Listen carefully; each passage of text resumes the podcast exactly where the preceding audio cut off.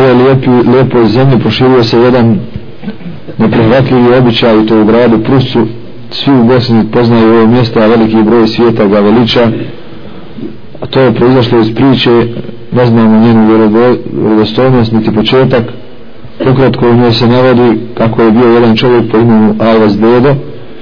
Žalio se njemu svijet da nema vode i ovaj čovjek klanjao i činio dovu 40 dana sve dok Allah Žešanu nije učinio da pukne stijena koja je bila prepreka da se dovede voda sa vrela do u selo. Poslije smrti ovog čovjeka želili su ljudi da očuvaju uspomenu na njega pa su se počeli sastaviti svake godine kod tog kamera koji se rastavio. Na to mjesto dolazi u Lema šehovi Efendije. Nažalost čak se uvjetuje neki ljudi to smatraju malim hađom. Ima i koji kažu da imaju kabu kao što je kaba u Mekki sastavno se učio Kur'an i Ilahije ako dolazi dolazi još uči na komu i to bude dan vesela baš kao da je Bajram.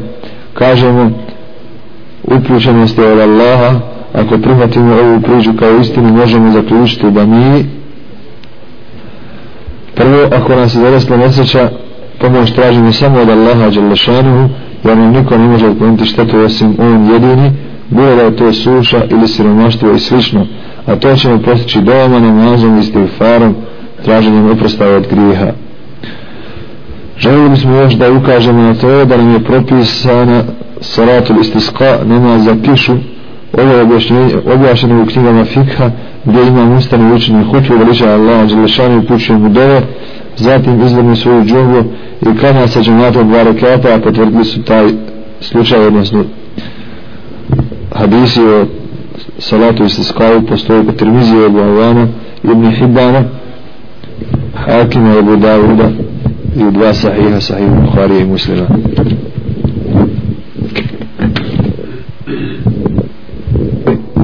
Na ovaj postupak iz više razloga. Prvi veličanje nečega.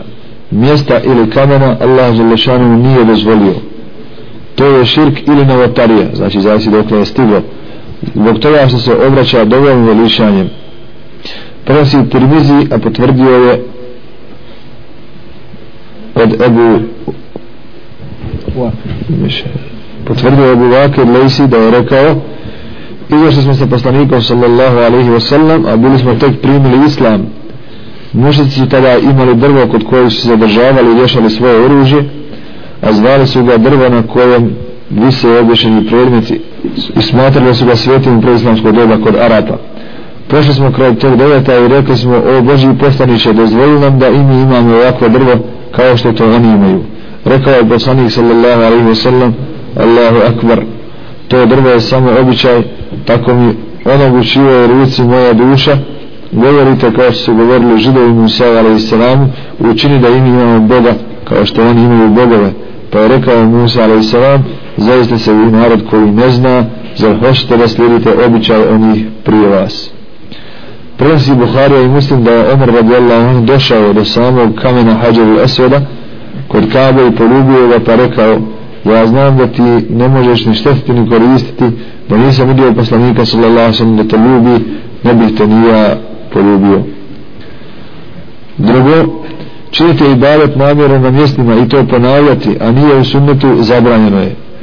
Kada se saznalo da neki ljudi obavljaju namaz ispod drveta pod kojim je poslanik sallallahu alaihi wa sallam pod kojim je poslaniku sallallahu alaihi wa sallam data zakletva na vjernost sa strane ashaba Omer radijallahu anhu je odmah posjekao to drvo dio ovog događaja je prenio Ebu Šejba ostatak je prenio Buhari. Također je Omer radijallahu zabranio pojedinim ljudima da idu klanjati u džamiju u kojoj je klanjao poslanik pa je rekao oni prije vas su uništeni zbog sličnih stvari slijedili su tragove svojih poslanika i uzimali ih kao mjesta za molitvu. Pa koga ne zatekne pa koga zatekne vrijeme namaza na tim mjestima neka pa koga ne zatekne vrijeme namaza na tim mjestima neka ne ide da klanja namjer na tim mjestima. Fethul Mujid 212 stranica.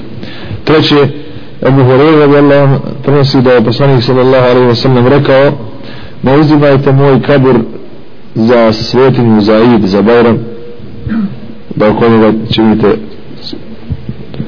određene obrede Ebu Davud sa sahih sanadom.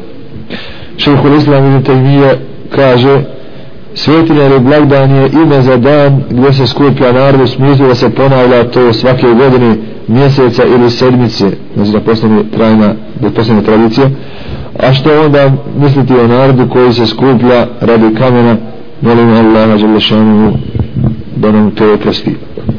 Četiri namjerno putovati u cilju posjećivanja mjesta koja nisu šerijatom propisana da se mogu posjećivati je zabranjeno. Prenosi Buharija, Muslim, Abu Dawud od Abu Hurera Allahu on a on prenosi poslanika sa vam da je rekao ne spremajte se na put s nijetom posjete osim kad želite posjetiti tri džamije Mesjidu Haram u Mekki Novu džamiju u Medini i Mesjidu Aksa u Jerusalemu. A šta onda reći o spremanju na put zbog kamena koji raspukao Allahovom odredu pet.